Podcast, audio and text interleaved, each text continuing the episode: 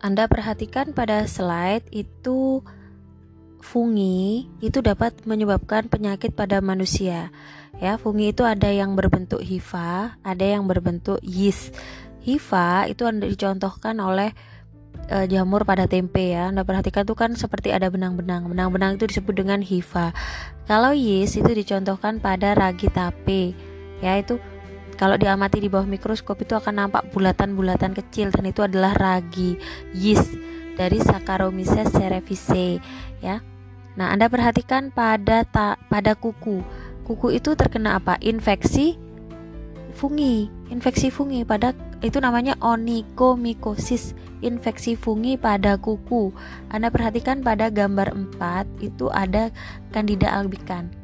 C albicans itu adalah fungi pada mana? Yang ada di pencernaan kita maupun ada di organ reproduksi wanita bagian luar yaitu vagina. Ya. Nah, juga ada di mulut.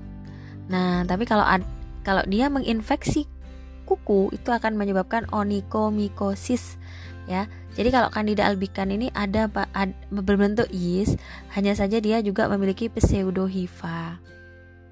Pseudohifa itu berarti uh, hifa yang tidak sebenarnya semu. Jadi dia yeast. Anda lihat itu pada gambar yeast yang sebelah kanan bawah itu kan bentuk bulat tapi ada panjang lonjong-lonjong dikit gitu ya. Bulatnya nggak bulat oval atau apa tapi agak-agak melonjong itu adalah pseudohifa.